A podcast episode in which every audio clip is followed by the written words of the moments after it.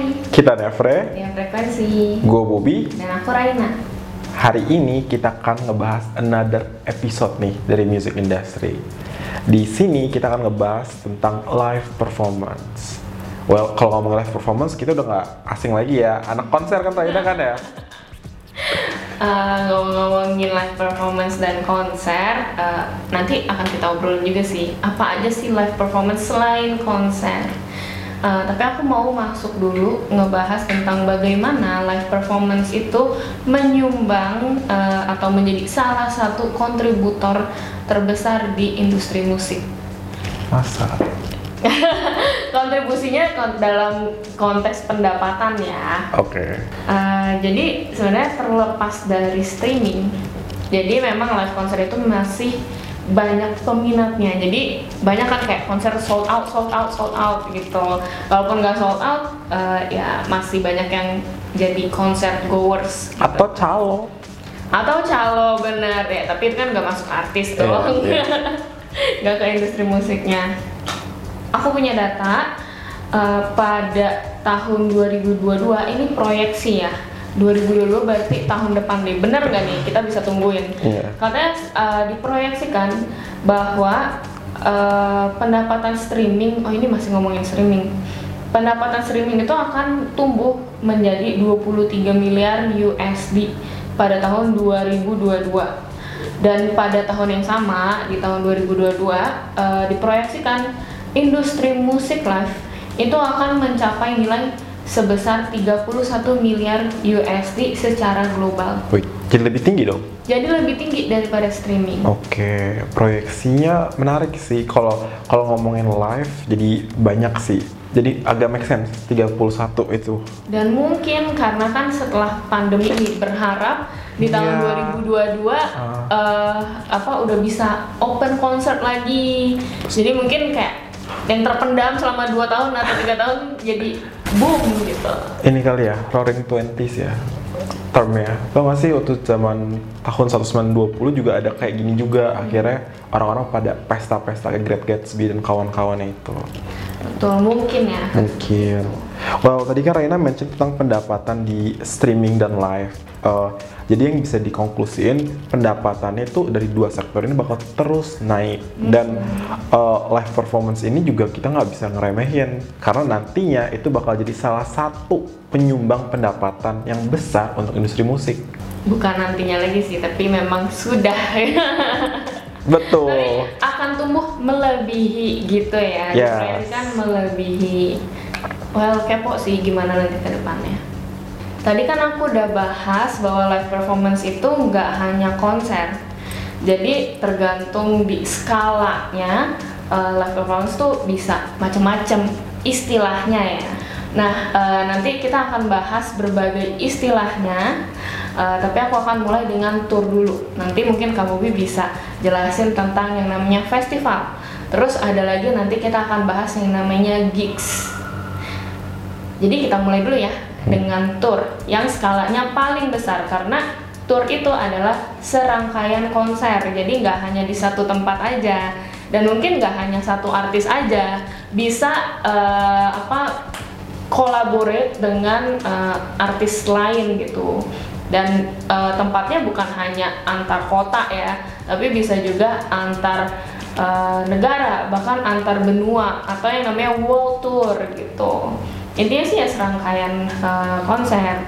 Dan biasanya kalau misalkan ada satu artis mengadakan world tour atau ya tour lah intinya itu mereka pasti akan mempromosikan album mereka. Jadi setelah uh, keluar nih uh, albumnya dia akan mengadakan tour. Jadi nama dari tournya itu pun akan mengikuti nama album mereka.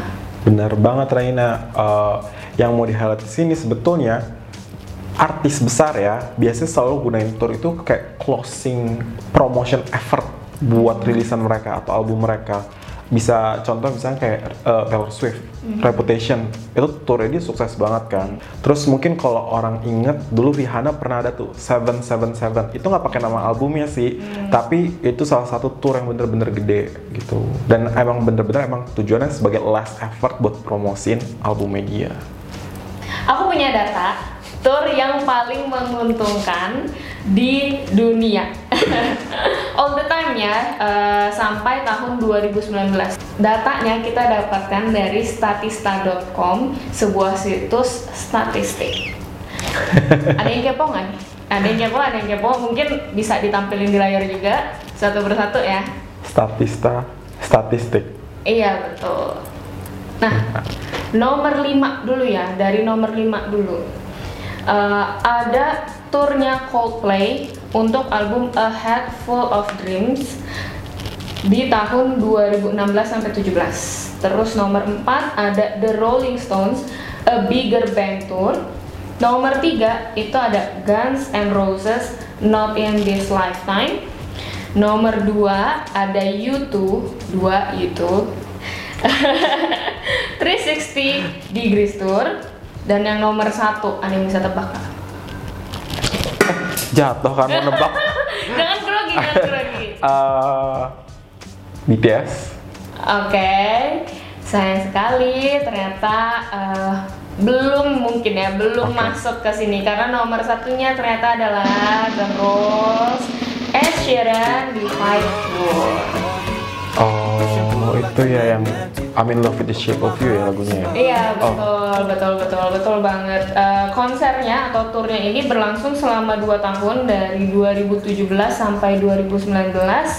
Uh, number of showsnya itu sampai 255 shows atau konser dan total gross yang didapatkan oleh tour ini adalah 776,2 juta dolar.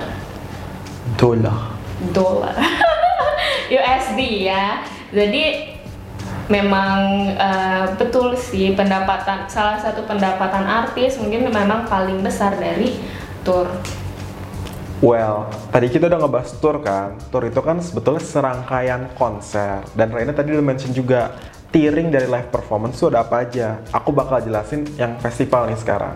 Oke. Okay. Oke, okay, sebelum kita ngejelasin festival itu apa, mungkin kita kasih tahu dulu nih background festival itu tuh dari mana sih asal muasalnya? Biar dari mana? aku baca dulu ya, biar uh, clear informasinya. Fun fact untuk festival, uh, itu pertama kali itu sebetulnya muncul di Inggris pada abad ke-18 dan tujuan dari festival ini adalah untuk mengumpulkan orang-orang secara kolektif sebagai perayaan budaya musiman Hmm. Jadi tujuannya bukan musik doang waktu itu, tapi untuk ah. gathering gitu. Dan lebih ke budaya ya. Betul. Dan musiman. Jadi pada intinya kalau festival itu ada waktu tertentunya dan dia mungkin akan menjadi kayak annually gitu kan, annual events. Terus uh, mungkin jadi strukturnya juga lebih ekstensif. Maksudnya jadi nggak hanya musik aja mungkin kalau kultur itu kan bisa ada makanan Tuh. mungkin baju gitu kan fashion atau kultur-kultur lainnya gitu ya atau tarot tarot juga oke okay. aduh Betul Reina. Jadi kalau mungkin kita aware sekarang tuh ada beberapa festival ya. Tapi sebelum kita ke sana, aku bakal kasih satu contoh nih uh, festival yang uh, ikonik lah bisa dibilang. Namanya The Woodstock Festival.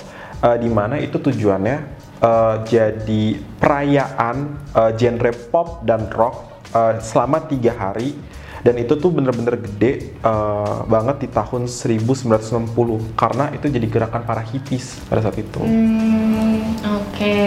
kalau ngomongin festival ikonik, mungkin yang akan tercetus atau kayak langsung the top of mind uh, banyak orang mungkin kalau sekarang adalah Coachella ya. Benar. Dan Coachella juga ya berhari-hari, mungkin bisa tiga hari kalau nggak salah ya Coachella ya. Dua atau tiga hari ya. Terus udah gitu multiple weekends. Iya benar-benar. Jadi ya emang emang serame itu ya. Bahkan artisnya juga banyak macamnya gitu. Nggak nggak hanya satu genre doang atau satu artis doang.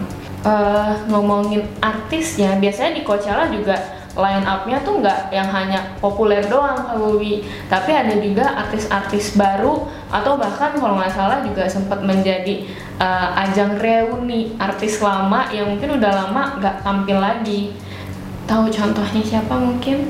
Destiny's Child. Uh, bahkan kita udah bisa nonton recorded uh, Iya. versionnya ya dengan HD itu keren banget sih menurut aku. Dan eh, lanjutin dari Raina, untuk Coachella sendiri aku punya fun fact-nya nih guys.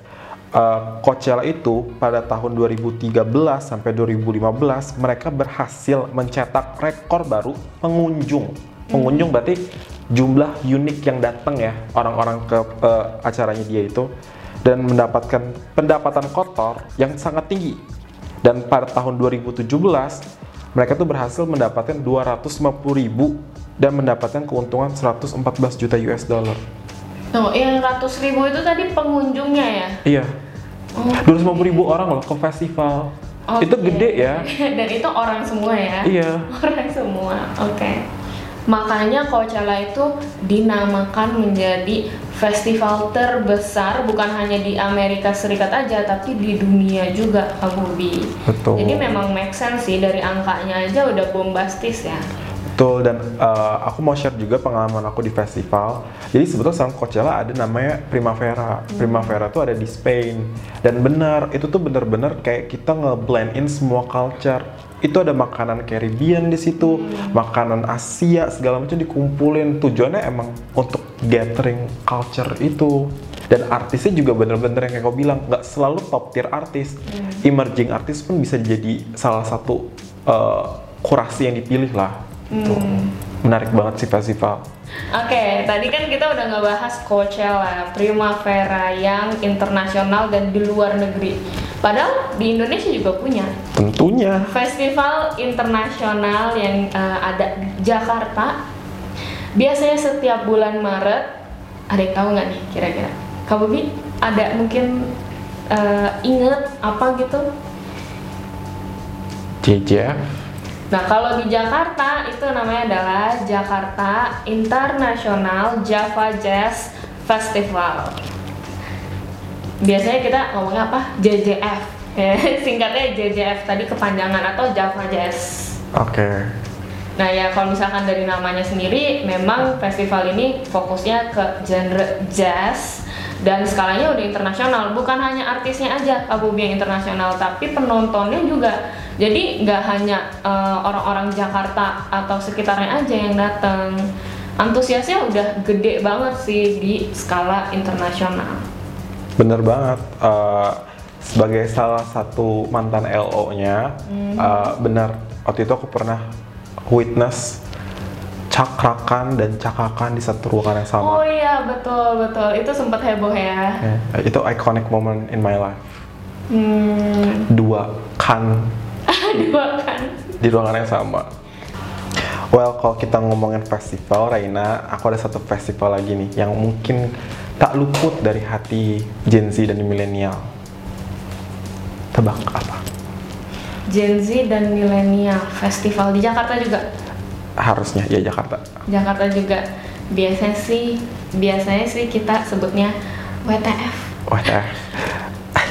tapi bukan itu ya, tapi We The Fest. Oh, oke. We The Fest tuh salah satu festival yang menurut uh, aku personally uh, sebagai music enthusiast bener-bener keren. Kenapa? Karena line up-nya mereka tuh bener-bener keren. Bisa ngebawa artis yang nantinya somehow gede. Jadi mereka ngebawa itu dulu sebelum mereka jadi gede. Contohnya nih, Dua Lipa. Waktu Dua Lipa rilis album pertama, Mhm. mereka berhasil ngebawa Dua Lipa. Dan lihat Dua Lipa sekarang kayak gimana. Udah jadi global phenomenon ya. Iya, s- terus uh, G-Eazy, Charlie XCX, Lord, Lord, Oh ya. waktu melodrama dibawa ke sini. Mungkin ada insider jangan-jangan. Mung- uh, shout out to Ismaya Owner, keren banget kurasinya. Oke, kalau ngomongin festival, kamu mau ngomong juga Fun fact juga nih Raina tentang uh, We The Fest.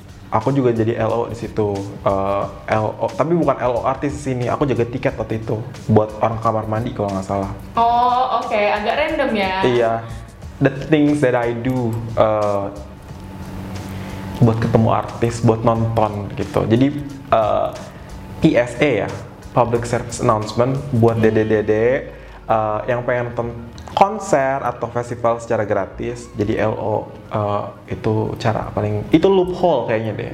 Dan itu nggak ribet kok kerjanya juga nggak kayak sekarang Kayak sekarang. hmm. maksudnya udah kerja gitu Oh, curhat dikit Hmm. maksudnya. Oke, agak personal ya ternyata kamu. Kalau ngomongin dede-dede aku langsung keinget bahwa festival itu nggak cuma di level cities, level negara, nggak harus besar-besaran meskipun mungkin skalanya besar juga sih. Karena ini ada dari kampus aku juga nih, Bobi.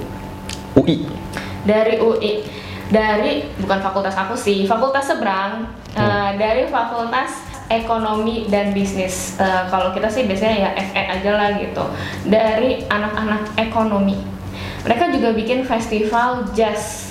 Namanya JGTC biasanya disebutnya atau Jazz Goes to Campus. Kayaknya eh, udah banyak yang familiar juga sih karena line up-nya dia itu memang eh, mostly sudah populer. Dan tahu nggak sih ternyata JGTC itu udah lama loh diadakannya.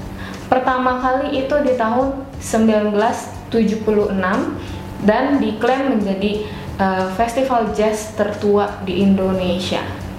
Jadi nggak kalah gengsi lah sama eh, Java Jazz Festival. Well, tadi kamu udah mention tentang JGTC UI, which is itu level atau tier terkecil di level festival ya. For now, kita nggak tahu anak SMA nanti bisa bikin apa nggak juga kan. Oke, eh, dari yang tadi Reina mention kan pertama ada tour, terus di bawahnya tuh ada festival, ya kan? Festival ada tieringnya sendiri tuh. Di bawahnya festival ada lagi nih yang kecil, Kecil banget. cilik.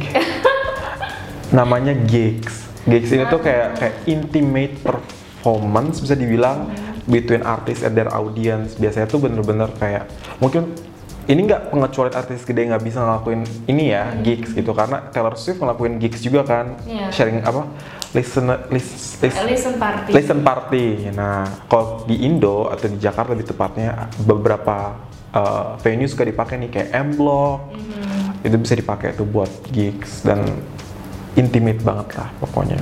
Eh, Kak Bobi, ada satu lagi yang aku lupa mention. Hmm. Itu sebenarnya uh, cuma beda medium kali ya. Live-nya tetap, konsernya tetap, tapi bentuknya lebih ke virtual. Jadi nggak on the spot ada artis dan ada audience di satu tempat yang sama gitu. Artisnya ada tampil di panggung sebagus-bagusnya juga. Cuma audiensnya di rumah biasanya. Jadi jarak jauh gitu. Namanya konser virtual. Mau nggak mau lah ya karena lagi pandemi ini kan harus jaga jarak gitu kan nggak boleh Jaga berkerumun. jarak beneran. Jadi ya memanfaatkan teknologi yang ada, akhirnya konser tetap ada, cuma virtual. Akhirnya kamu udah habis berapa duit buat tonton virtual konser? Aku dari tadi pengen nanya itu. Em, kalau mau tahu DM aku aja. Kenapa aku nanya? Karena sebetulnya ini salah satu bentuk eh, support fans ke artisnya kan ya. Eh, dan kayak mungkin itu bakal kita bahas di episode khusus nih ant- hubungan antara artis sama fans itu pentingnya kayak gimana. Tapi Raina ini ngenunjukin bukti di mana kalau hubungan artis dengan fans bagus, maka dia bakal support banget sampai live performance online aja ditonton kan ya. Ya dong, karena jujur kangen sih nonton konser Meskipun nggak bisa on the spot bareng sama fans lain dan artisnya langsung ya Tapi tetaplah bisa sedikit eh, namanya apa ya, mengobati kekangenan nonton konser langsung kali ya Well, tapi experience-nya worth it kan Raina? Iya dong, karena ya emang aku nggak udah kayaknya ini ketiga atau keempat kalinya deh terakhir bulan lalu aku nonton konser virtual dan tetap seru. Oke, yang aku tahu virtual concert yang sempat heboh banget tuh Blackpink doang sih. A- ada beberapa yang aku nggak aware nggak sih selain Blackpink ini?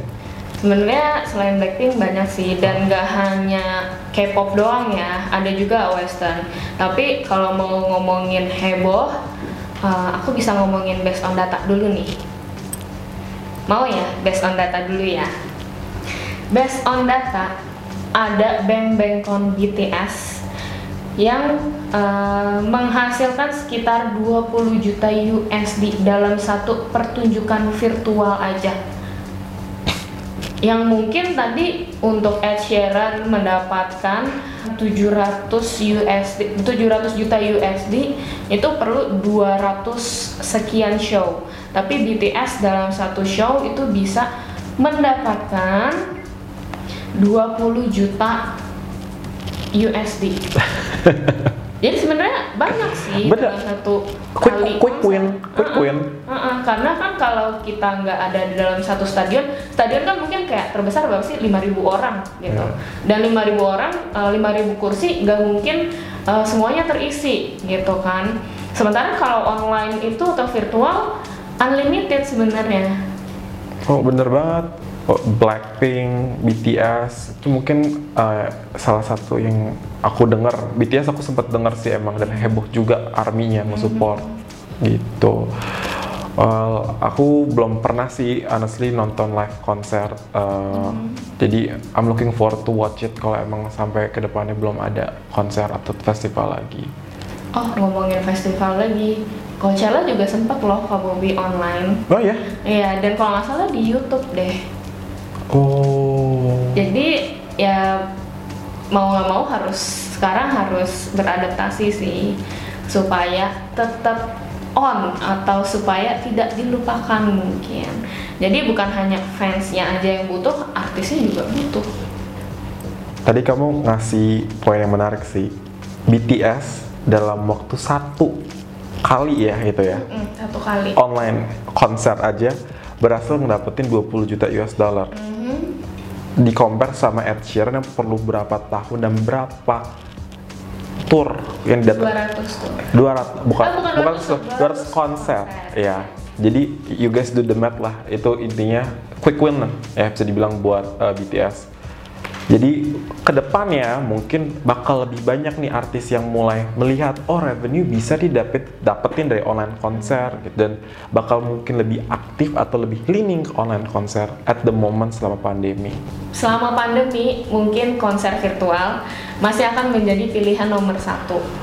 Karena kan nggak bisa ketemu juga kan. Tapi ada kebutuhan dari artis dan fans. Daripada nggak eh, terpenuhi ya mendingan ya udahlah kita ketemu secara virtual dulu aja. Sebenarnya kalau misalkan fans mau menunjukkan rasa supportnya atau dukungannya itu juga bisa sih. Eh, nggak harus nonton konser atau festivalnya artis ini. Nggak perlu eh, benar-benar mengeluarkan uang gitu. Tapi nanti kita bisa bahas lebih lengkapnya di episode selanjutnya sih. Benar banget. Well guys, that's all from us. Hope you guys like it. Uh, gue Bobby. dan aku Raina Kita pamit. Thank you.